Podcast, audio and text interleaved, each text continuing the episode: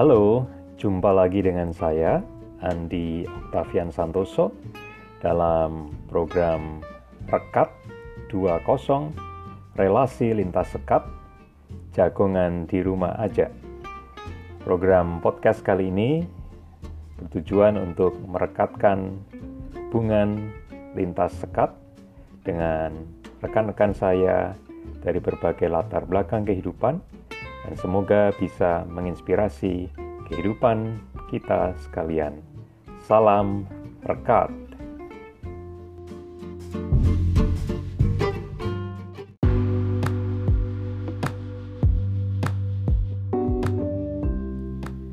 Dalam episode yang ketujuh kali ini, saya akan mengundang rekan saya, Perdian Tumanan, MATPS.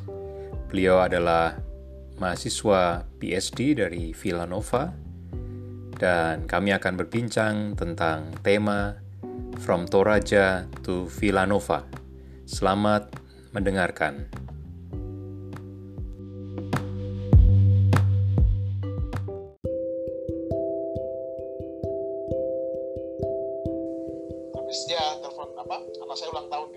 Oh, yang Jeremy.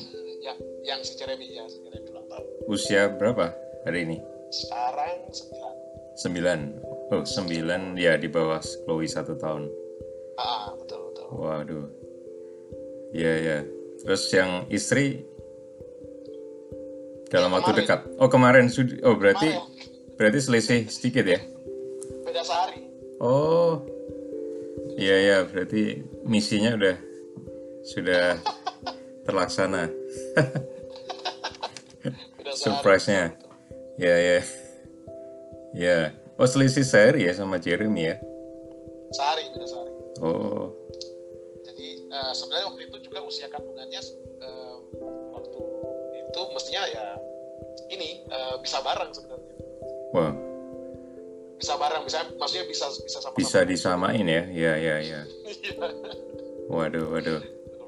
Wah ini berarti kado ulang tahunnya luar biasa nih untuk istri sama uh. anaknya bisa papahnya bisa. Ya ya. Dapat beasiswa PhD langsung. Ya. Betul betul betul betul betul, tapi di sana jam berapa berarti tadi waktu kalau telepon? Malam ya? Di sini malam di sana pagi. di sana pagi, Sabtu pagi, ya. ya ya. Jam 9 jam 10 betul, ya. Surabaya masih masih ini ya masih belum terlalu masih banyak juga ya harus banyak di rumah ya Surabaya ini. Betul betul betul sampai sekarang. Betul, Jatim ini masih parah juga. Betul, betul. Jatim Jabar. Betul, ya betul. ya. Ya. Ya ya. Ya ini kita sambil mungkin menunggu beberapa teman udah jam 11 sih. Uh, ya, ya, nanti ya, kita ya, ya berapa yang hadir. Ya. Tapi nanti mohon izin nanti kita upload di podcast sama YouTube biasanya. Betul betul, nggak ya. apa-apa, nggak apa-apa nanti, nggak apa-apa. Ya di IGTV ini nggak tahu Instagram saya nggak bisa nggak bisa nyimpan di IGTV-nya. Okay. Mungkin kena ban nggak tahu nih bermasalah.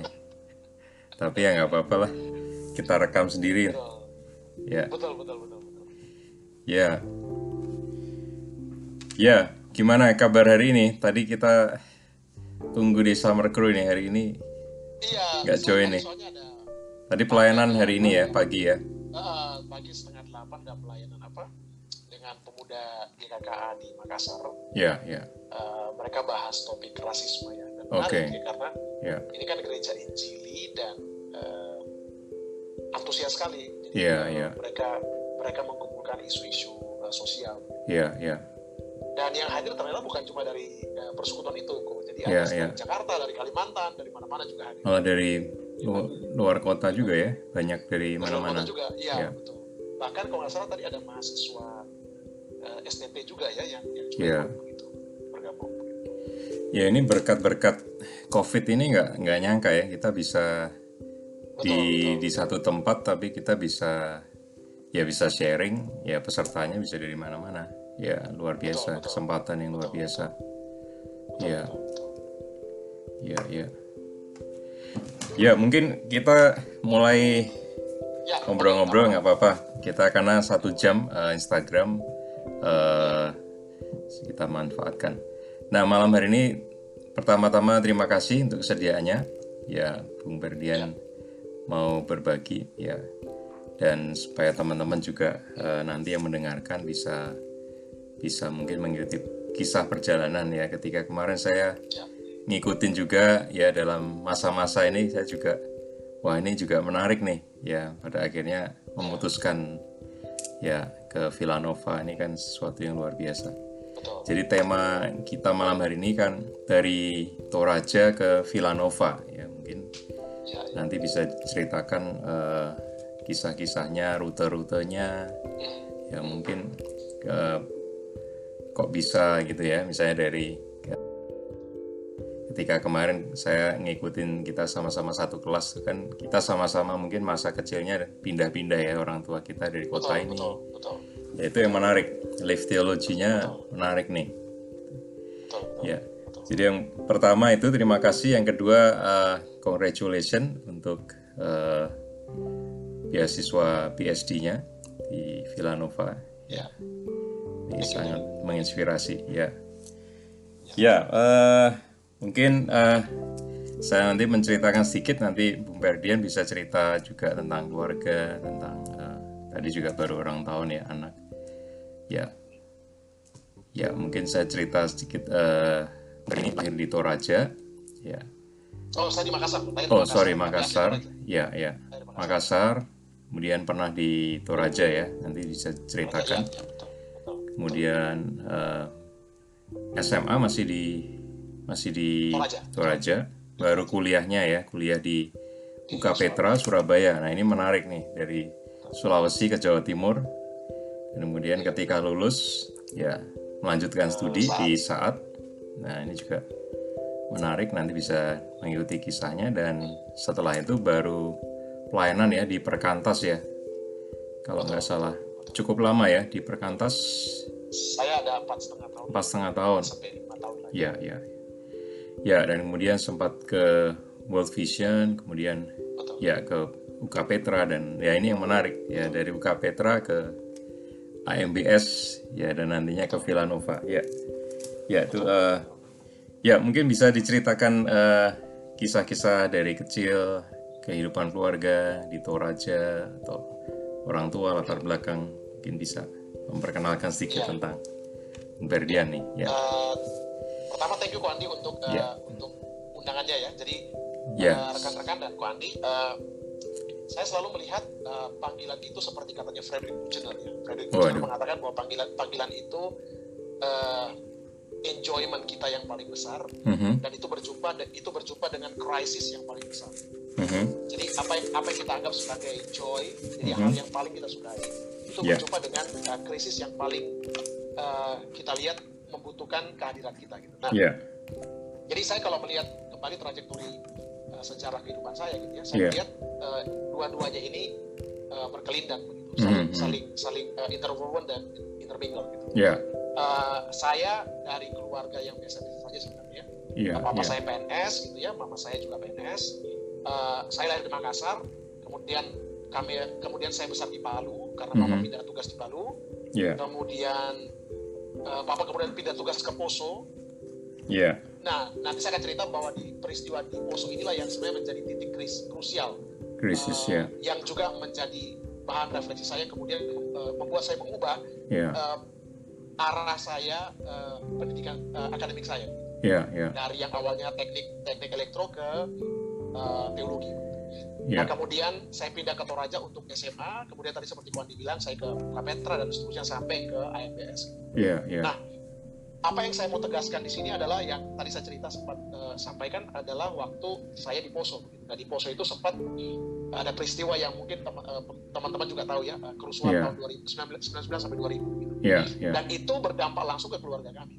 Hmm, hmm. Jadi jadi eh, papa saya itu diancam untuk karena papa saya Hmm. waktu itu dan sebenarnya peristiwa kerusuhan Poso itu kalau dilihat ya, Ya, itu tidak bisa terlepas dari peristiwa pergolakan politik dan transisi kekuasaan kan. betul. Eh, Pasca dari- Pak Harto dari turun ya. Orde Baru ke reformasi itu. Ya, ya. Itu sebenarnya tidak tidak tidak tidak murni sebenarnya peristiwa kerusuhan agama. Iya, betul. Eh, itu sebenarnya ada ada ada unsur eh, transisi politik. Nah, Iya. itu saya tahu saya tahu belakangan. Dan cuma saya saya waktu pada saat itu pada saat itu saya sedang semester tahun ke saya tahun ketiga tahun kedua atau tahun, ke- tahun kedua sorry tahun kedua di UKP ya terakhir ya. Iya, dan itu itu sangat membekas dan traumatis kenapa karena eh, papa saya juga sebenarnya mengalami peristiwa yang serupa iya, jadi kakek saya iya. eh, kakek saya itu dibunuh Mhm. oleh pemberontak DITI DITI di Tanah Toraja Mhm. pada saat papa masih kelas 3 SD Waduh, kakek sendiri ya. jadi jadi iya dan dan dan dan kakek itu seorang penjual kerbau jadi papa cerita waktu saya Iya. masih kecil eh, kakek itu menjual kerbau dari Tanah Toraja ke Palopo Mhm. eh, dan lama tidak pulang dan kemudian diketahui bahwa itu kakek saya karena tinggal tulang belulang begitu diketahui dari dari sarungnya dari sarungnya pengenalnya Iya, iya, itu iya. itu pengalaman traumatis dan dan kemudian papa saya dibesarkan oleh nenek saya itu nenek saya tidak menikah lagi gitu sampai dia meninggal dunia jadi enam orang anak dibesarkan oleh uh, Nenek. saya seorang Iya, iya, iya. Nah itu itu pengalaman traumatis yang papa saya kemudian ceritakan ke kami waktu peristiwa poso jadi papa saya Hmm. pulang jadi waktu itu papa saya sudah dengar informasi akan eh, eh, bahkan papa saya dipanggil ke kantor daerah waktu itu Iya, iya. papa saya pakai baju biasa tidak pakai baju dinas pergi dan dan melihat sendiri di depan itu sudah banyak orang eh, dengan senjata tajam gitu ya. Iya, iya. Nah kemudian papa saya pulang dan papa saya menangis di depan mama saya dan di depan adik saya. Saya waktu itu di, saya diceritakan kembali ke saya di Sur- Surabaya. Iya, Saya tidak mau seperti saya tidak mau anak-anak saya seperti saya. Saya tidak Ya. mau anak-anak saya menjadi yatim. Itu papa kalimat papa saya. hmm. Nah dan dan dan dan, dan seterusnya kami kehilangan rumah juga dan dan eh, mama papa mengungsi ke Tanah Toraja Mhm. dan itu bukan peristiwa gampang kok Andi karena Iya, iya. eh, PNS itu pada saat dia berpindah dari satu kabupaten ke kabupaten lain itu mudah karena administrasinya kan provinsi. Iya, iya. Tapi kalau dia pindah ke provinsi lain, nah pada saat itu itu sulit. Jadi papa Ya. itu sampai kurang lebih lebih dari setahun itu eh, terima gaji tapi tidak kerja apa. Dan Ya. itu buat papa sangat menderita gitu ya. Eh, secara psikologi, secara eh, jadi banyak pengalaman traumatis. Nah itu kok Andi yang membuat saya pada saat itu sangat membenci jujur orang Islam. Hmm, hmm, hmm. Saya benci sekali dengan yang namanya eh, Islam, gitu ya. Iya, iya, Eh, Muslim. Saya benci sekali pada saat itu. iya. Eh, tapi buat saya itu pengalaman penting buat saya untuk kemudian mentransformasi saya melihat eh, bahwa interfaith itu perlu Betul, interfaith betul. relation Iya, iya. gitu ya jadi eh, makanya kenapa saya seperti saya katakan tadi Frederick Buechner ya eh, eh, eh, ada ada satu krisis yang yang yang terjadi begitu. dan Mhm. dan dan saya lihat dan saya melihat kemudian pengalaman saya pribadi itu ternyata saya yakin itu juga pengalaman banyak orang di Indonesia Iya, Eh, jadi jadi pengalaman saya itu miniatur dari apa yang sedang terjadi di bangsa ini betul, betul. Eh, begitu ya Iya, iya. Jadi, eh, nah yang kedua, Bu Andi, kalau saya boleh bilang prinsip saya untuk melihat panggilan panggilan saya itu adalah gini. eh, tadi saya beberapa kali kan bilang traumatis, Hmm, traumatis hmm, ya. hmm. Saya setuju dengan se- seorang senior saya waktu saya masih di Petra, dia mengatakan begini. Sebenarnya eh, panggilan itu justru hadir bisa jadi karena eh, kekecewaan yang mendalam. Iya, Jadi visi itu lahir karena kekecewaan. betul, betul. Jadi dan, dan kalau, kalau kalau kita misalnya lihat kisah-kisah di Alkitab, gitu ya, banyak sekali tokoh-tokoh di Alkitab yang sebenarnya dipanggil Tuhan itu dalam eh, lewat sebuah peristiwa-peristiwa yang mengecewakan, Betul. terutama nabi-nabi, gitu Ya, terutama ya. nabi-nabi. Ya, Eh, Nabi Yesaya dipanggil pada saat eh, bangsanya itu sedang eh, krisis integritas, begitu ya. Mhm, mhm. Eh, kita baca di Yesaya pasal 6 itu. Ya, ya. Eh, dan bahkan sampai tidak ada seorang pun yang mau mendengar firman Tuhan. betul. Yeremia bahkan disebut sebagai seorang nabi yang lemen, yang yang meratap Ya, uh, saking rusaknya bangsa itu. Gitu ya. betul. Uh, uh, kemudian Nabi Hosea bahkan dipanggil untuk uh, melakukan beberapa ritual simbolik yang mungkin di luar akal sehat karena sebegitu rusaknya bangsa itu. Betul.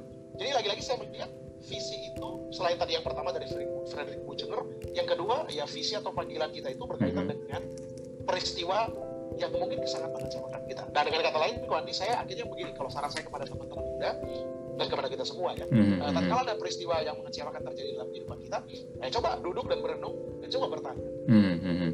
Uh, uh, apa yang menjadi sebenarnya rencana Tuhan buat saya? Ya, ya, Itu yang kemudian saya renungkan Wandi, pada saat saya di Petra. ya. Uh, kebetulan saya waktu itu juga ada di kelompok kelompok kecil begitu ya di pelayanan Mhm. mahasiswa uh, apa ya yang menjadi jadi saya beralih dari kepahitan dari sekadar traumatik Mhm. kemudian bertanya so Hmm. what's next karena waktu itu Pandi saya sudah hampir lulus Hmm, ya. Uh, saya sudah dalam proses proses uh, mau lulus dan waktu itu saya sudah berpikir saya sudah ikut KMKI saya Yeah. berpikir ini masalah bangsa ini adalah uh, sistem politik hukum dan sebagainya dan saya sudah berpikir waktu itu uh, saya mau involve di Politik. uh, di politik Yeah, saya mau yeah. daftar UNER uh, uh, uh, S2 bidang sospol begitu ya Oke. sampai kemudian saya uh, ikut sebuah camp Ya. mahasiswa tahun 2000 yang mencelikkan mata saya karena waktu itu ada tampilan audiovisual yang itu seperti cerita saya Bupati. Wow. Jadi, Ya, ya. jadi bisa kerusuhan-kerusuhan ini, ini ini seperti kisah saya Ya, yang divisualkan. Ya. Dan ada kalimat terakhir yang mengatakan begini, persoalan uh, persoalan bangsa itu adalah karena uh, dosa dan uh, karena dosa individual dan dosa struktural. Saya ingat sekali. Wow. Dosa individual dan dosa dosa, dosa, dosa struktural.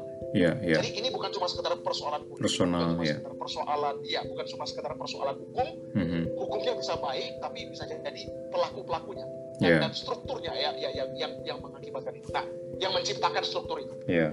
nah itu sebabnya Wandi kemudian saya beralih ke, ke saat malam saya Ya. saya masuk pendidikan teologi di saat nah tapi selama saya di saat saya melihat ada satu hal yang yang lagi-lagi pengalaman mengecewakan eh Hmm, ya, itu ya, ya, pengalaman ya, mengecewakan ya. itu saya merasa bahwa waktu saya di saat ada ada yang ada yang hilang dari dari dari dari eh, diri saya karena Hmm. saya SMP itu di negeri, Ya, saya SD walaupun di SD Kristen, tapi tetangga saya itu Muslim semua. ya, ya, ya. Saya SMP di negeri dan teman-teman terbaik saya itu orang-orang Muslim. Betul, peristiwa kerusuhan itu membuat saya kecewa. Ya. Tapi kemudian saya berpikir kemudian waktu saya masuk ke, ke seminari Injil ini, eh, loh kok kawan-kawan saya kok sekarang semuanya itu Kristen toh, Ya. dan malah lebih kecil lagi ke lingkup Injil toh. gitu Ya, ya. ya, ya. saya merasa ada yang hilang dari itu. dan, dan saya Betul. kemudian me- merefleksikan kembali ke Andi ke apa yang menjadi titik berangkat saya mengumpulkan ini ya peristiwa Yeah. kerusuhan itu Ya, ya. Dan dan bagaimana saya rindu sebenarnya eh, hadir di tengah-tengah situasi. Nah jadi itu yang kemudian membuat saya eh, akhirnya ya ini singkat, singkat, eh, in short gitu ya saya terlibat dengan engage dengan eh, eh, social eh, movement. Dan kemudian misalnya saya terlibat dengan WVI gitu ya saya Ya, ya. uh, kerja dengan WVI dan waktu saya di Perkantas pun begitu saya juga involved dengan uh, misi integral integral uh, holistic mission gitu ya. Ya, Uh, dan se- seterusnya uh, terlibat juga dengan uh, interfaith engagement dan Mhm. itu juga kok Andi yang singkat cerita membuat saya merasa bahwa saya kurang perlengkapan diri saya ya. untuk uh, engage dengan uh, isu-isu tersebut Betul, betul. nah akhirnya singkat cerita tahun 2018 saya Iya, daftar iya. KMPS dan diterima dan seterusnya sampai seperti sekarang ini Ya, ya, ya, ya, ya, kira-kira ceritanya Ya, ini eh, rute-rutenya cukup eh, menarik tadi ya. Saya saya baru dengar ini kalau Bung Berdian nggak cerita tentang ternyata kakek almarhum mengalami satu peristiwa yang yang sangat ya sangat ya menyedihkan ya. Artinya betul. eh, mengalami peristiwa itu ya eh, tentu Dan- tidak dan- dan mudah. lagi-lagi Ya, ya, dan lagi-lagi kakek saya dibunuh oleh ya, uh, DITI kan yang Iya, notabene berlatar belakang Islam. Ya, ya, ya, dua peristiwa itu Poso dan kakek saya itu yang kemudian membuat saya uh, memang uh, sangat dangkal tentu saja ya, iya. menarikan kesimpulannya karena waktu itu saya juga masih sangat muda dan, ya, dan saya uh, benar-benar sudah di tengah kekecewaan dan kesedihan yang luar biasa ya, kemudian mengeneralisir semua Islam itu pasti kekerasan dan seterusnya. Hmm, hmm. Nah, Ya, itu, apalagi- itu, itu yang itu yang menjadi ya, itu yang menjadi Ya, pengalaman, pengalaman saya waktu itu. Apalagi dua kali pengalaman yang traumatis dengan dengan isu yang sama ya itu tentu sama, membangkitkan pelaku yang ya sama. pelaku. Jadi itu membangkitkan memori yang yang tidak mudah Betul. untuk diproses ya. Dan justru Betul, eh, ketika di Petra itu ya mulai mulai ada panggilan untuk memproses ini dan bagaimana mentransformasi itu mulai di Petra ya. Exactly. Ya ya Uh, ya. Sebenarnya sebenarnya mulai saya di saat waktu saya Ya. di saat juga saya banyak berkumpul ya. Saya Ya baca ya saya baca baca buku yang justru tidak disarankan dosen gitu ya ya. Nah, karena waktu itu saya eh, sebenarnya merasa merasa riskan begitu ya keterlibatan kekristenan dalam dunia sosial begitu ya Ya itu kurang sekali kan Hmm. khususnya dari dari kelompok saya waktu itu dalam dalam kelompok evangelical begitu ya ya. ya. saya merasa kok eh, dan dan saya ingat sekali eh, perjumpaan yang lain adalah dengan dengan, dengan nah ini tokoh Mennonite eh, Bung Bung Andi eh, Yeah. Ronald Sider Uh, Ron Uh, Sider saya, ya. saya Ron Sider ya, yang di Amerika Serikat juga. Ya. Saya baca Christianity Today waktu itu dan dia baru menerbit- menerbitkan sebuah buku uh, Scandal of Evangelical Conscience Ya, ya. yang kemudian waktu saya di Perkantas itu saya terjemahkan. Oke, ya, ya, ya, Nah, jadi ya, itu itu sebenarnya Kwandi bisa lihat itu trajektori saya sebenarnya. Jadi kenapa Ya. saya kemudian bisa menerjemahkan buku itu dan Ya. kenapa misalnya kemudian di, di Perkantas Jatim itu tahun 2000 sebentar 2000 2009 atau 2008 itu kami uh, memulai literatur Perkantas Jatim. ya, ya, Nah, sebenarnya sebenarnya arahnya ke sana pada saat itu. Jadi, jadi ya, bagaimana ada ada isu integrasi, ya, uh, keterlibatan engagement sosial dan juga dengan uh, uh, pluralisme bangsa itu. Dan bagaimana ya. uh, kita terlibat lebih jauh. Wah ini saya perlu memberi garis bawah ini. Ternyata pendiri Literantus Perkantas juga ini.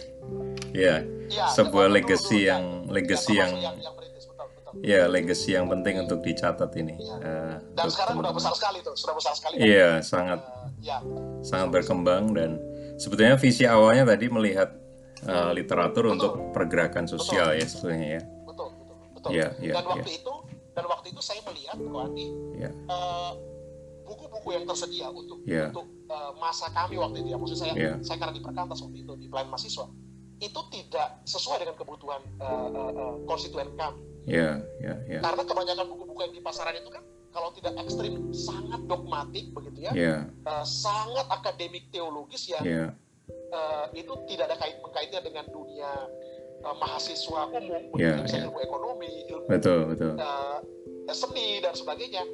Kalau tidak ekstrim ke sana, itu ekstrim yang lain adalah sangat devosional. Betul. Iya kan? Jadi, Iya, jadi iya. cukup misalnya cuma ukuran ungan Iya. yang, yang jadi ada ada ruang yang kosong. Betul. betul. Bagaimana sekarang dengan masa kami, gitu. Ya, yang mereka itu engage dengan integrasi iman ilmu, betul. begitu kan? Nah itu itu itu kemudian uh, saya kemudian sampaikan ke board dan saya bilang ini kita perlu dan dan saya katakan tidak usah takut kalau Mhm, mhm. kalau uh, rugi gitu. Kenapa? Karena kita punya konstituen yang banyak. Saya ingat Iya. sekali waktu itu di Surabaya zaman saya itu yang ikut kelompok kecil saja di Surabaya saja itu Iya. sekitar 400-an. Ya, ya, Belum Iya. di tempat yang lain kan. betul, dan, betul. dan saya waktu itu belajar belajar penerbitan buku. Wah, sebenarnya penerbitan penerbitan buku itu sangat menguntungkan. Gitu. Iya. Kita diskon 50% saja itu masih untung sebenarnya. Ya, ya, ya, ya. Ya, Itu itu itu sedikit cerita. ya saya melihat sebetulnya eh, ya ini ini tadi perjalanan eh, menurut saya ini bukan hanya perjalanan kehidupan ya, tapi juga spiritual, tapi juga eh, mentransformasi dari trauma kemudian menjadi menjadi sebuah panggilan ya yang yang justru terlibat masuk di dalam dalam konflik yang yang tidak mudah. Dan ternyata berhasil keluar dari masa lalu ya prejudis tentang Islam gitu kan. Islam itu identik dengan kekerasan. Ternyata sekarang justru justru banyak terlibat di kegiatan interfaith gitu kan peace building. Nah ini kan ini tidak mudah gitu ya sebuah perjalanan yang tidak mudah nah eh, juga bagaimana eh, peranan mungkin apakah peranan gereja misalnya dari kecil sekolah minggu remaja itu mempengaruhi eh, pertumbuhan atau panggilan tadi proses apakah ada peran gereja nih kalau kita bicara misalnya gereja Toraja atau Iya. iya. ketika di Surabaya Memang atau saya, di saya luar merasa, sana. betul. Ya, ya. saya merasa spiritualitas saya itu sangat eh, saya atau kasarnya saya mulai tertarik dengan isu spiritual itu sejak saya di UK Petra waktu saya kuliah baru mulai Eh, dan ketika di iya, Surabaya dan- ya betul, ya ya, betul. ya. dan saya tertarik dengan isu-isu eh, eh, misalnya saya baca buku-buku teologi begitu saya baca juga Ya. bukunya Hans Kung bahkan bahkan waktu itu eh, pembina itu sampai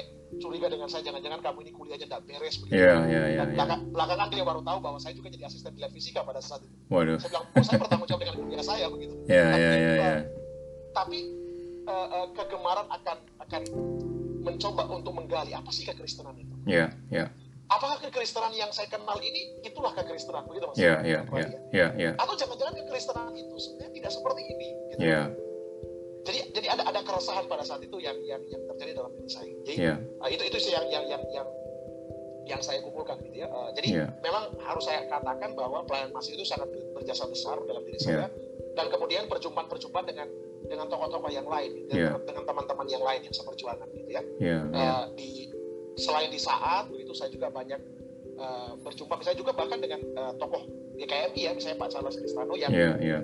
juga membukakan mata saya tentang uh, Mennonite begitu Yeah, ya, yeah. Anabaptisme begitu Yeah. yang saya merasa kemudian dan itu yang membuat saya memutuskan juga mendaftar ke sini Ya, ya, Uh, setelah dia memberikan saya buku The Naked and the Baptist ya, karena saya merasa walaupun saya dari gereja Calvinis begitu ya ya, uh, tapi embedded conviction saya gitu Mhm. embedded teologi saya Ya. lah kok malah lebih banyak lebih banyak near dengan dekat dengan Anabaptisme gitu. Anabaptis, ya, ya.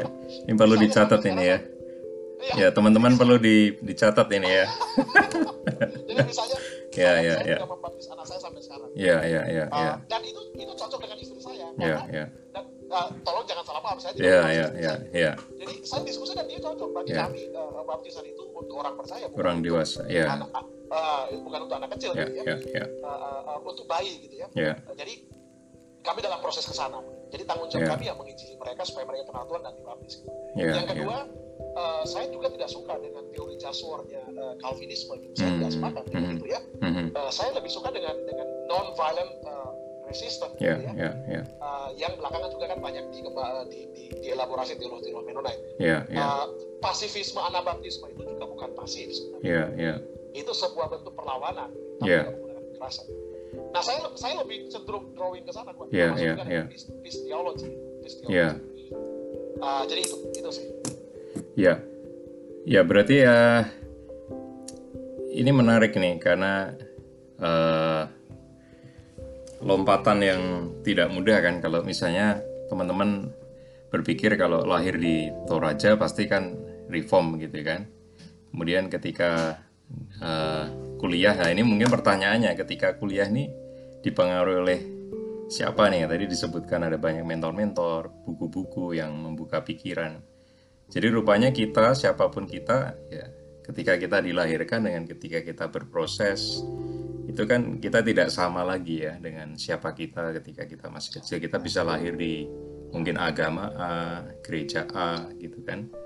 Tapi ketika dalam saya- pergumulan mengalami transformasi, saya, Tuhan, ya, tetap, saya tetap, saya tetap merasa saya bagian dari reform ya untuk Ya, ya. karena uh, jujur uh, uh, beberapa uh, losai-losai teologi Calvinisme itu ya, saya merasa itu penting dan Ya. saya suka dan saya Ya. rasa itu yang juga kurang ditekankan Anabaptisme. Kalau saya hmm, kemarin ya, ya, boleh kritik, boleh kritik ke Boleh, boleh. Ya, kita ya. di ya. ya, ya, Ah, misalnya, misalnya covenant theology itu penting Ya. sekali. Covenant theology itu buat saya itu hal yang ah, luar biasa. Dan itu dekat dengan sebenarnya ah, misalnya ah, Kingdom of God-nya Yesus. ya, saya melihat ya, ada koneksi yang yang yang, yang dekat ke sana begitu ya. betul, Nah, jadi uh, itu sebabnya kenapa sampai sekarang saya mungkin masih belum pindah ke gereja Anabaptis. saya saya Yeah. sekarang masih di GKI kan. ya, ya, ya, Tapi ya, Pak, jadi kalau kalau eh, saya ingat eh, satu waktu Pak Yosef Widiatmaja pernah bertanya ke saya. Uh, Ferdian, uh, beliau kan uh, GKI dari Ya, tahu, Solo ya, Ya, Uh, GKI. kawan Koandi juga kan. ya, ya, Dia pernah jadi sekjen uh, persekutuan uh, CCA. CCA, ya. salah. Uh, Ferdian, kamu alirannya apa? Saya bilang, well, you guess. Uh, saya dari gereja Calvinis, kemudian uh, saya sekolah di Injili di saat, ya, kemudian istri saya Pentakosta, dan mentor saya seorang Anabaptis. ya, dan, dan dia mengatakan well dia bilang well nggak jelas katanya. Saya bilang well I'm a follower I'm a follower of Jesus ya, "Kamu ya. ini, Koni." menurut saya identitas teolo- teologi kita zaman sekarang dalam dalam era keterbukaan dan Ya. koneksi seperti ini itu identitas yang hybrid. Betul, betul, betul, sangat hybrid. Ya, jadi jadi tidak tidak tidak mungkin kita itu kemudian mengatakan bahwa saya cuma satu begini Ya. saya yakin kita berinteraksi dengan siapa saja betul, nah, contoh lah misalnya gereja gereja GKI pun sekarang kan menyanyikan lagu-lagu dari kelompok karismatik misalnya ya, ya, atau, ya, atau dan bahkan sekarang kelompok karismatik pun menyanyikan lagu-lagu dari dari kelompok eh, misalnya suci suci suci di gedung Betul, betul. walaupun dengan aransemen yang baru kan? betul, betul, ya, ya. hybrid hybriditas itu sebuah keniscayaan kesatuan Betul. Ya ini yang menarik. eh, mungkin nanti bisa eh, cerita sedikit karena saya juga mencatat ini Bung Ferdiani eh, punya satu komunitas yang namanya Teoflogi dan di situ eh, mungkin nanti bisa cerita. Eh, ya itu adalah sebuah komunitas yang yang terbuka untuk eh, membahas ya isu-isu teologis lintas batas ya. Ya. Ya, atau mungkin eh, iya bi- bicara langsung aja teologi ini Oke, oke. apa ini menarik karena profilnya dekat sekali gitu dengan Bung saya Perdia. dengan dengan dengan perjalanan saya tadi. Ya, ya betul betul. uh, hibrid jadi keniscaya keniscayaan bahwa ini adalah seorang hibrid, identitas hibrid. Ya, Uh, uh, kalau misalnya saya mengutip perkataan dari penerima Nobel ekonomi ya, ah saya lupa namanya. Saya baca buku kecilnya soal identitas. ya. Dia mengatakan sebenarnya kita ini tidak pernah punya identitas yang tunggal. Mhm, mhm. Contoh dia, contoh Ya. dia katakan, uh, saya seorang laki-laki, Mhm. saya seorang India, Ya, saya seorang Islam, saya seorang ahli ekonomi, saya Ya. seorang profesor, betul. saya seorang suami. Nah, Ya, ini sudah enam identitas. betul. Nah, itu sebabnya Bu Andi saya justru cenderung aneh melihat sekarang Ya. ini, tatkala di Indonesia misalnya, percakapan teologi itu sangat kaku, beku, dan eksklusifistik. Betul, justru mengerucut cenderung- gitu ya. Ya, Exactly. ya, dan ya. cenderung mudah menganatema kelompok yang lain. Betul, betul. Jadi betapa gampangnya misalnya kata sesat, Ya, kata apa ya, kafir. kafir Ya, begitu ya. ya, ya. Eh, saya, saya tidak mengatakan saja dari misalnya Islam ke Kristen atau Kristen ke Islam atau yang lain, Ya, tapi termasuk dalam Kristen sendiri begitu kan. ya, Eh, lihatlah YouTube begitu ya. ya, ya. Begitu ramainya dengan hiruk pikuk percakapan yang sebenarnya tidak bermutu sama sekali. gitu. Betul, betul. Ya, jadi gini, kita berbicara bukan bukan sedang memahami posisi orang dan mencoba untuk Ya. menelaah apa yang dia pahami, tapi Ya. saya menilai dia dengan perspektif dengan frame saya. Ya, ya, Nah kalau sudah begini yang pasti terjadi ya anatema. Nah itu sebabnya Andi, ya. lagi-lagi itu salah satu alasan selain alasan yang saya bilang tadi yang Ya. membuat saya mau masuk ke IMDS Ya, ya. dan kemudian pada saat saya apply PhD, saya sebenarnya diterima di, di uh, dua tiga tempat ya, Ya, ya, beberapa tempat uh, uh, program PhD. ya, Saya memutuskan ke Villanova. ya. Uh, saya diterima juga di satu-satu kampus uh, berbeasiswa juga, kampus Injili begitu, tapi saya putuskan saya uh, uh, tidak ke sana Ya, karena uh, saya sebagai contoh, kenapa saya pilih Katolik? Saya ditanyakan waktu itu. ya, ya, uh, waktu wawancara dengan Villanova, why, Ya. why you apply here? ya. Gitu kan? Saya bilang selama ini kelompok reformasi belajar sejarah gereja mulai dari abad 16. Mhm, mhm. Seolah-olah sejarah gereja itu paling benarnya. Nah ini kalau saya kutip kalimat rekan saya di Dio Sasongko di Dioflogi, Ya, ya, uh, seolah-olah yang paling benar itu hanya abad 16 ke sini. ya. Dan seolah-olah- Sebelumnya. 15 abad pertama itu salah semua sejarah gereja. Ya, ya, Nah, padahal tanpa kita sadar misalnya, Calvin itu sendiri juga membaca Agustinus begitu. Iya. Misalnya contoh. ya, ya. Dan, dan Agustinus itu siapa? Agustinus itu tokoh siapa? Katolik. Nah, kampus kampus yang saya tuju ini Koanti, Iya. Villanova itu kampus Agustinian, Ya, ya, didirikan oleh Ordo Agustinian, ya, OSA gitu. Jadi ya, itu yang membuat saya juga ingin ke sana gitu. ya, ya, ya, Saya ingin, saya ingin belajar. Nah, ya. eh, makanya kalau ditanya, jadi kalau misalnya saya bisa ditanya lagi sama Pak Yosef Hidayat Paja, saya bisa tambahkan saya PhD dari kampus Katolik, gitu. Iya, dan iya. saya punya gelar MA dari Anabaptis. Ya, ya, Nah, berkaitan dengan teologi, Koanti. ya, ya, Ya, jadi memang teologi ini eh, kami sebenarnya mulai eh, dengan se- sederhana sekali ya. eh, kalau boleh dibilang yang pertama kali eh, memulai itu kan Indio dengan Daniel Xiaoping dan kemudian saya diajak. Iya, kami iya. bertiga di awal. eh, yang pertama cuma bercakap-cakap saja. Bagaimana Iya. kita bercakap-cakap eh, memperbincangkan teologi gitu ya. Nah, tapi kemudian kami melihat eh, ada hal yang lebih menarik. Mhm, mhm. Eh, karena kemudian eh, yang presentasi di teologi kan anak-anak S1 ya, teman-teman S1 ya, ya, rekan-rekan S1 yang sedang mengerjakan skripsi. Dan kami surprise, kawan. Kenapa? Karena ide-ide mereka itu begitu luar biasa. ya, Dan kami begitu kaget karena, wow, ternyata intan berlian teologi di Indonesia itu begitu Banyak, banyaknya. iya, iya. begitu. betul. Hanya saja tidak terkoneksi. Ya, ya. Tidak ada wadahnya, ya. Hmm. Exactly. Dan maaf, alih-alih terkoneksi, yang terjadi kan malah tembok-tembok dibangun untuk saling mencurigai. Ya, ya, Antar sekolah teologi saling menganatema di belakang layar. Itu kan di depan senyum, tapi di belakang saling menjelek-jelekan. ya, ya, wah yang ini liberal lah, yang ini konservatif lah, Iya. kan? ya, Kenapa sih kita tidak ngobrol dan duduk bersama, gitu kan? Kenapa sih kita tidak eh, bercakap-cakap dan memperbincangkan kesetujuan atau ketidaksetujuan kita dengan cara yang beradab dan akademik? betul. Eh, bukankah kita ini adalah orang-orang berpendidikan, gitu kan? Apalagi kita anak-anak Tuhan. Nah, jadi itu yang sebenarnya menjadi menjadi menjadi eh, eh, awal dari teologi, gitu ya. Mhm, dan mhm. dan kami semakin kaget kok Andi karena memang ya akhirnya yang presentasi di Develop itu eh, dari kelompok mana saja bahkan Yeah. termasuk dari kelompok teman-teman Islam Ya, eh, beberapa kali presentasi misalnya teman uh, kawan Kusaan begitu ya kemudian Ustaz Yusuf Daud bahkan yeah. sampai tiga atau empat kali sudah Ustaz Yusuf Daud. Yeah. Nah, kemudian juga beberapa teman-teman uh, Muslim yang juga belajar di sosial politik dan ekonomi terus yeah. presentasi teknologi uh, dan dan juga uh, uh, dari berbagai denominasi mm-hmm. karismatik, Pentakosta, you name it, Yeah, termasuk yeah. yang paling terbaru itu gereja Katolik Ortodoks dari Amerika, ya, ya, ya. Dari Virginia, betul yeah, dari ya. Virginia. Yeah. Dan dan itu yang kami syukuri. Yeah. Yang kami syukuri karena ternyata jadi gini, karena dulu waktu saya masih sekolah teologi saya ingat sekali dulu ya, uh, begitu mudahnya orang menjelek-jelekan yang lain, tapi yeah. ternyata tidak kok. Waktu berjumpa begitu ya, loh kok baik orangnya. Iya yeah, iya yeah, yeah. beda sama yang. Waktu ber...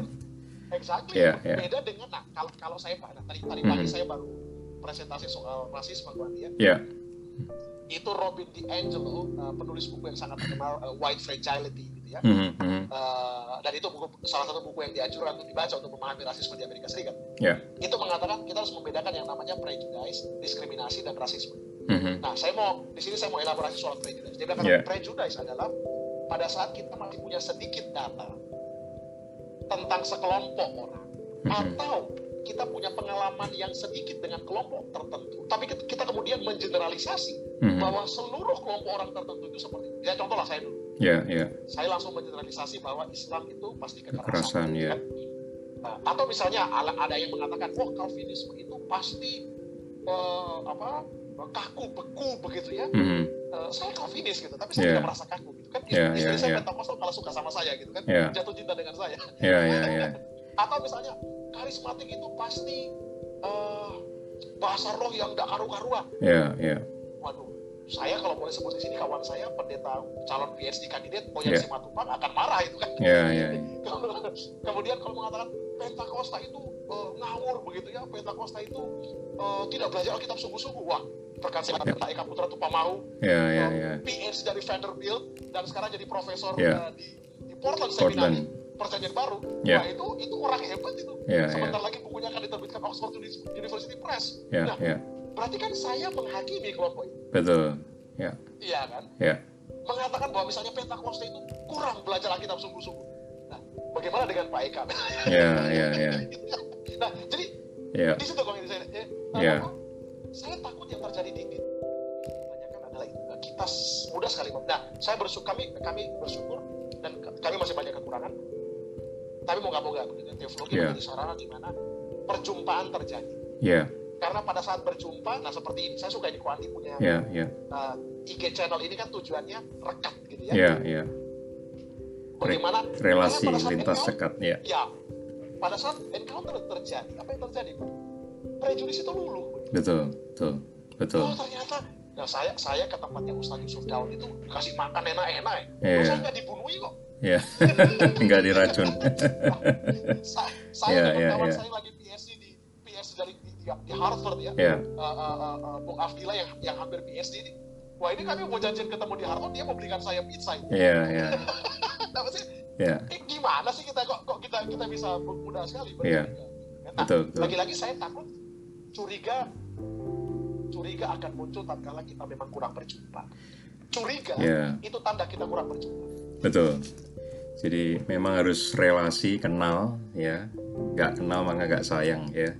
Muncul prejudis-prejudis yang ya justru dibangun oleh berbagai kalangan ya untuk membuat kita ya capek dengan begitu terus ya berantem sana sini ya. Betul betul. Ya betul, ya betul, ya betul, ya. Betul betul betul sekali. Ya ini menarik sekali. Uh, Tadi juga sudah di-sharekan sedikit tentang teologi, jadi nanti teman-teman yang tertarik ya bisa langsung follow juga akunnya teologi.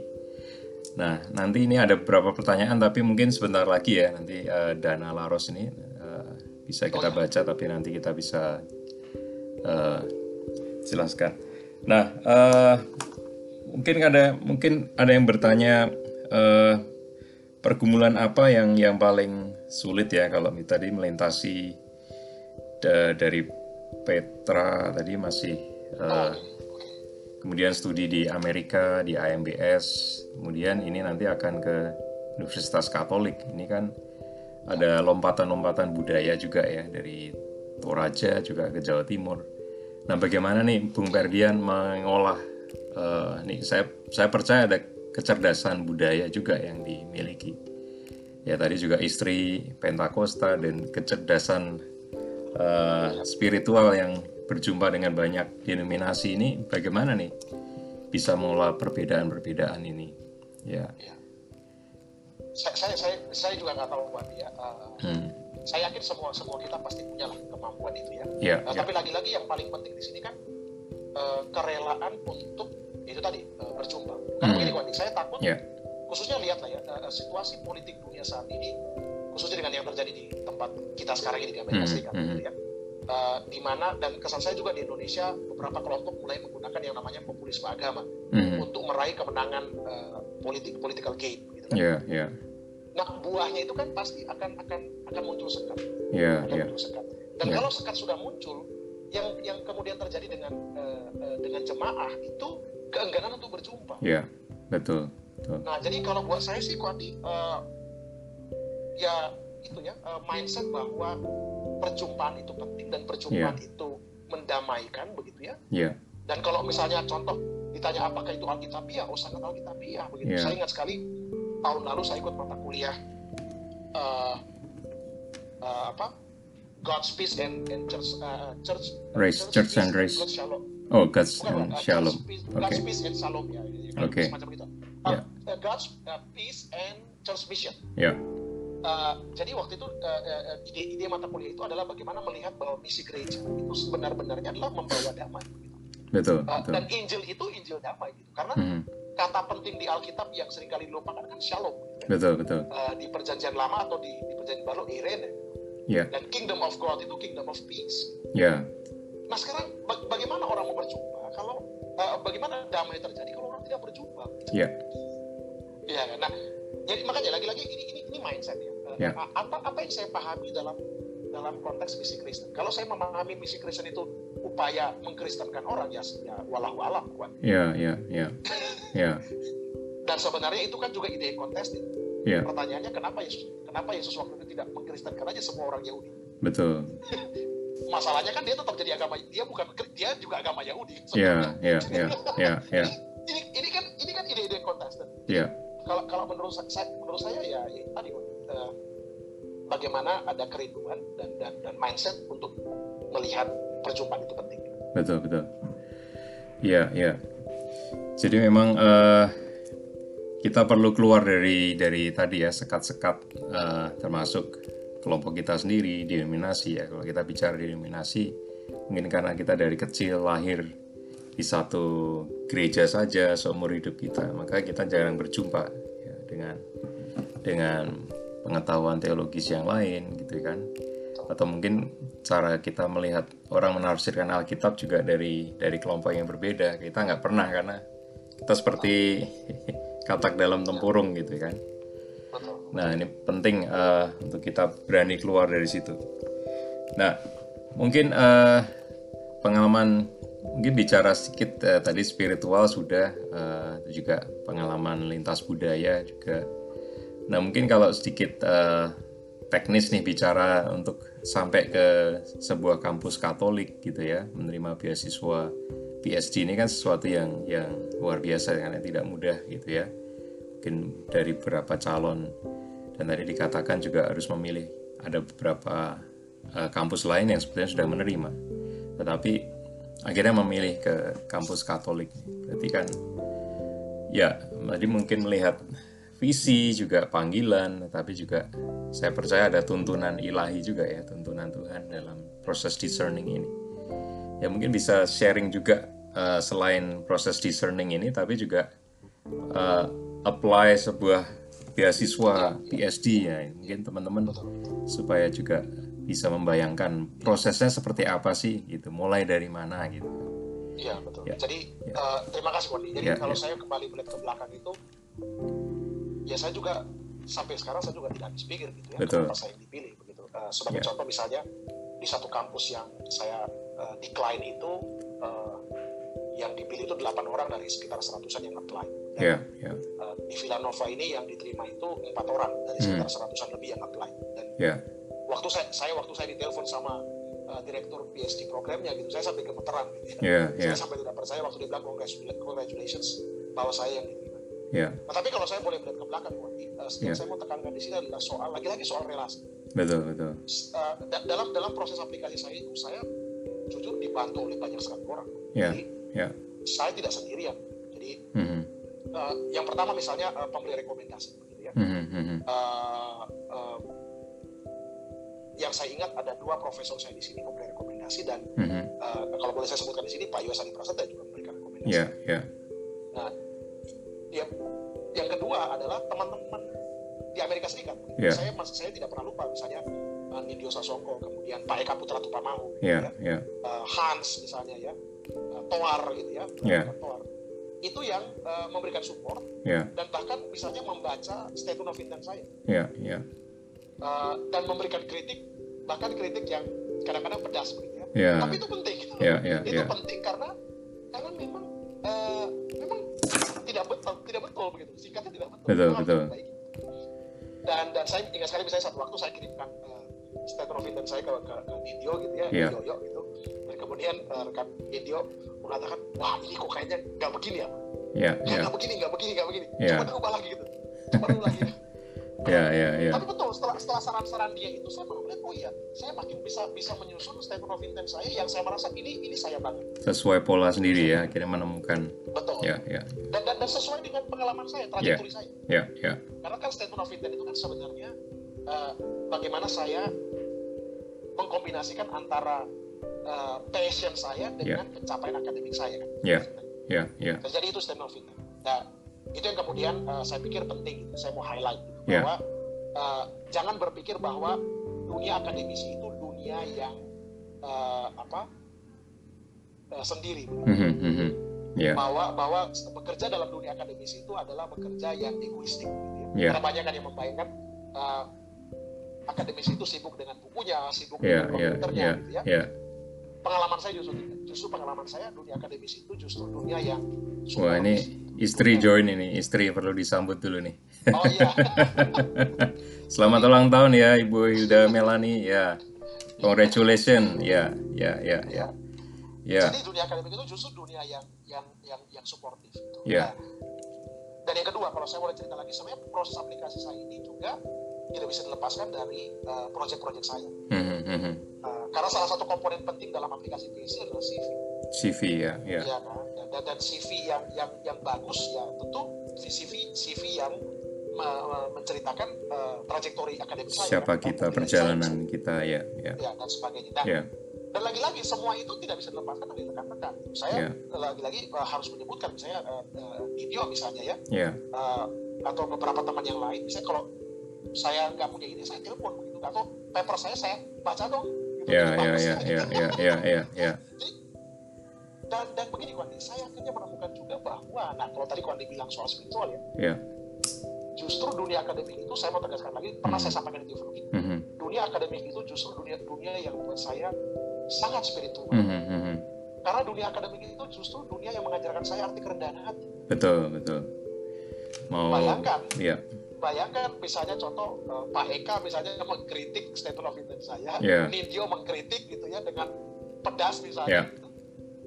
Dan saya lebih senior daripada Nindyo kan ya, Saya lebih ya, tua. ya, ya, Tapi buat saya itulah arti persahabatan, itulah arti companionship, Ya. ya, itulah arti uh, dunia akademik. betul, betul, Jadi uh, uh, dan dan saya merasa, iya saya saya dibentuk itu, betul, saya betul, dibentuk untuk belajar dari yang lain, untuk Ya. uh, memperhatikan apa yang lain sudah jalani sebelumnya. betul. Jadi kemauan untuk eh, diberikan masukan dan juga dipertajam ini juga Exactly. spiritualitas tadi ya, kerendahan hati, karakter juga, Exactly. ya.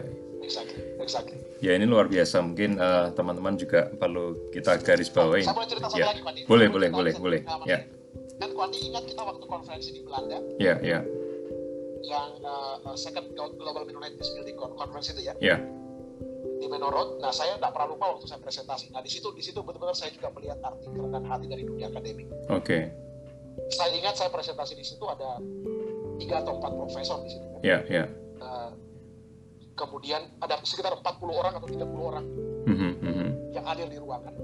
kemudian yang saya tidak salah yang saya lihat itu yang saya saya tahu itu ada sekitar mungkin lima atau tujuh mahasiswa sampai tujuh mahasiswa PhD, yeah. uh, mahasiswa master dan pendeta. Mm -hmm.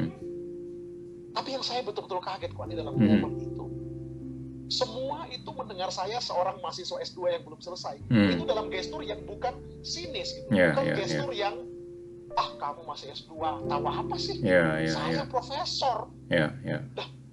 Malah kan kalau kalian ingat ada Yeah. seorang profesor yang lama di Indonesia, Aleho Kemar. Alil Kima, ya, Itu duduk paling depan, ya, berdiri paling pertama mengapresiasi ya, eh, ya. presentasi saya.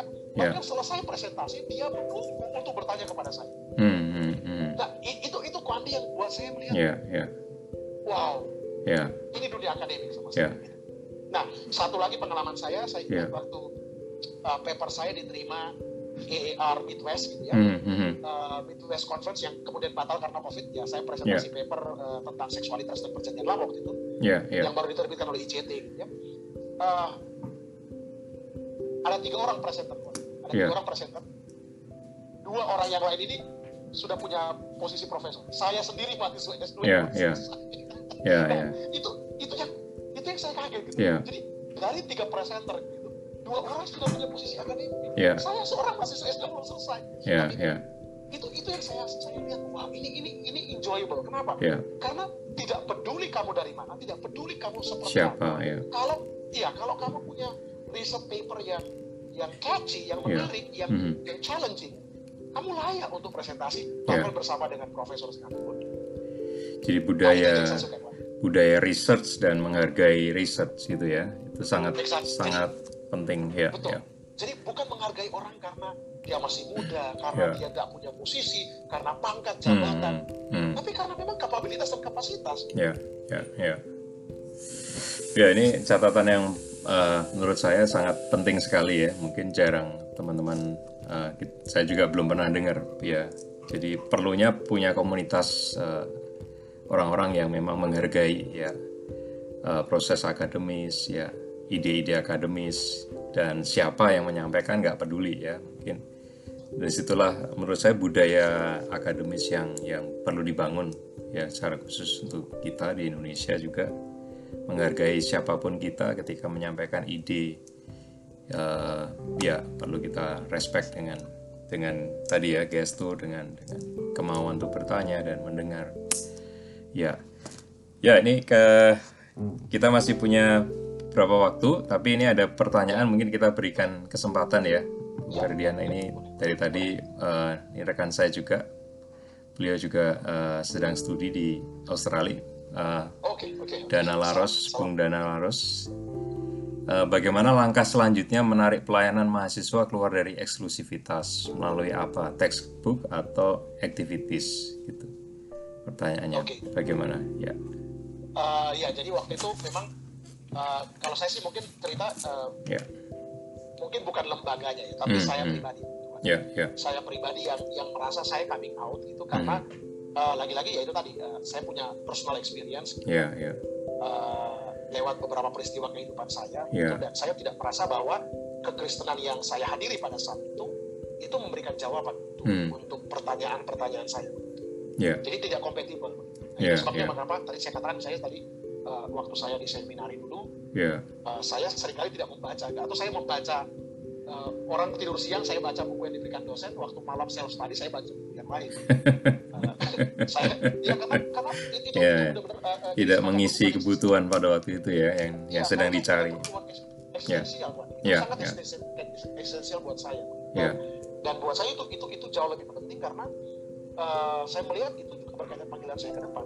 Ya. bukan sekedar mengerjakan tugas-tugas bukan berarti saya tidak bertanggung jawab ya saya mengerjakan tugas-tugas tapi kemudian saya engage dengan itu. Itu yang pertama. Ya. nah yang kedua menurut saya kalau tadi ah ini pertanyaan bagus sekali dari Pak Dana ya. Eh, saya melihat begini Pak Dana. Sebenarnya khususnya nah cobalah misalnya eh, pelajari teori generasi Ya. generasi khususnya generasi Y, generasi Z Mhm. uh, yang paling baru kan alpha ya. Mhm. Itu generasi yang sebenarnya senang terkoneksi. Ya. Generasi yang mungkin mungkin kelihatannya cuek begitu ya. Uh, kelihatannya seperti individualis, tapi sebenarnya mereka yang mereka generasi yang concern dengan isu-isu sosial. Betul. Ya. Uh, misalnya contoh uh, uh, uh, riset Barna misalnya, Uh, kenapa yang kalau nggak salah juga bilangan riset yang di Indonesia sempat uh, publikasikan. Yeah. Kenapa misalnya anak-anak muda di Amerika Serikat itu uh, meninggalkan gereja? Yeah. Salah satu penyebabnya kan karena gereja tidak isu tidak peduli isu sosial. Isu sosial ya, ya, ya. Iya, Ya, kan? jadi, betul. jadi menurut saya Pak Dana justru akan mudah sekali dengan anak-anak muda sekarang ini. Ini tatkala kita mau untuk uh, reaching out mereka. Ya. Mereka generasi yang sebenarnya generasi yang uh, peduli sekali dengan isu-isu yang uh, kekinian. Ya, ya. Uh, satu lagi buat saya indikator penting ya penerima Nobel perdamaian termuda di dunia siapa dalam sepanjang sejarah? Yang Malala Yousafzai kan, Ya. yang yang baru berumur 15 tahun pada saat itu dan baru selesai dari Oxford kalau nggak salah pendidikannya. Ya, ya. Ya, siapa dia? Dia generasi Z juga kan. Jadi jadi anak-anak muda Ya. sekarang sangat menginspirasi begitu sebenarnya. Betul. Betul, betul. Jadi usia tidak tidak pengaruh ya kalau kita bisa uh, menjangkau orang-orang muda justru dengan isu-isu sosial, keterlibatan uh, di isu-isu yang justru sering kali gereja tidak mau bahas ya. Padahal anak muda itu nunggu kenapa gereja nggak mau terlibat di isu-isu itu? Nah Ya. jadi catatan penting untuk gereja-gereja kita juga. Nah eh, kita waktunya mungkin tinggal lima menit. Kalau kita eh, Bung Berdian boleh refleksi atau mungkin eh, dari perjalanan dari Toraja ke Villanova ini kalau mungkin satu atau dua kata atau apa mungkin disimpulkan dalam tiga kata minimal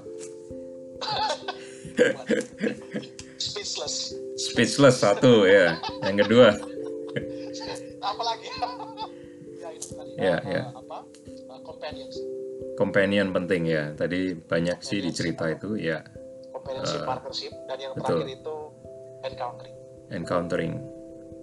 Jadi memang ini bukan sesuatu kemampuan kita ya. Seringkali orang pikir kemampuan akademis itu ya karena kepandaian kita gitu ya. Tapi justru perjumpaan dengan Tuhan yang semakin dalam ya yang tidak bisa diceritakan ya.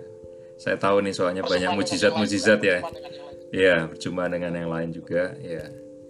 Dengan Tuhan dengan orang lain yang yang yang misterius tapi juga eh, itu terjadi gitu ya bisa terjadi nah eh, Ada satu pertanyaan kayaknya itu.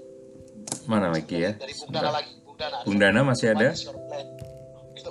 What is your plan or what have you done, Pak? oke silakan ya langsung Jadi, dijawab ya eh, terima kasih Pak Dana. Ini pertanyaan yang sangat eksistensial dan penting. Mhm. Kalau saya melihat trajektori saya, Pak Dana, um, saya merasa bahwa gestur yang paling penting adalah membuka selebar-lebarnya rencana Tuhan dalam hidup kita. Hmm. Hmm. Jadi uh, you never know gitu kan, you never know gitu. Uh, intinya pada saat Tuhan membuka satu rencana buat kita, Mhm. ya jalani saja begitu. Ya. Saya saya saya saya nggak tahu kan dia tapi kalau nggak salah sejak mungkin lima enam tahun lalu saya tidak pernah lagi buat yang namanya resolusi tahun baru. ya ya ya sama sama karena, sama menurut, karena menurut saya itu itu sesuatu yang Ya, waktu dan ya. harus belajar. Ya. Wah, Sumpah maaf, I'm sorry for, for my words. Maksudnya, ma- maksudnya gini, karena kalau saya lihat ke belakang lagi nggak terjadi kok. Dan, dan Ya. itu semua itu melenceng semua. Jadi Ya. buat saya sekarang, saya menjalani apa yang di depan saya. Uh, saya bersyukur untuk apa yang sudah terjadi Mhm. dan tentu saja saya bersuka cita ya dan uh, penuh dengan keriangan menantikan apa yang Tuhan menyatakan. Jadi betul betul betul ya ya jadi eh ya ini salam dari ya berharap nanti bertemu lagi dengan eh, Bung Dana Laros kita sama-sama berkolaborasi untuk pelayanan di Indonesia ya ya ini catatan menarik saya eh, kalau boleh eh, mereview sedikit tadi Frederick salah satu tokoh ya Buchener, ya. Ya. Jadi memang pa- passion apa yang yang kita miliki yang berjumpa dengan kebutuhan dunia yang paling paling dibutuhkan itulah cara tahu bagaimana kita eh, menggumuli panggilan kita. Dan eh, tinggal 23 detik ini. Ya, jadi eh, sangat luar biasa ini malah kita ngobrol di IG kok banyak hal yang menarik ya. Ya, ya, ya. Ada dimensi-dimensi yang lain. Ya, saya juga terima kasih eh, Bung Ferdian mau berbagi hal yang yang sangat uh, memberkati juga. Uh,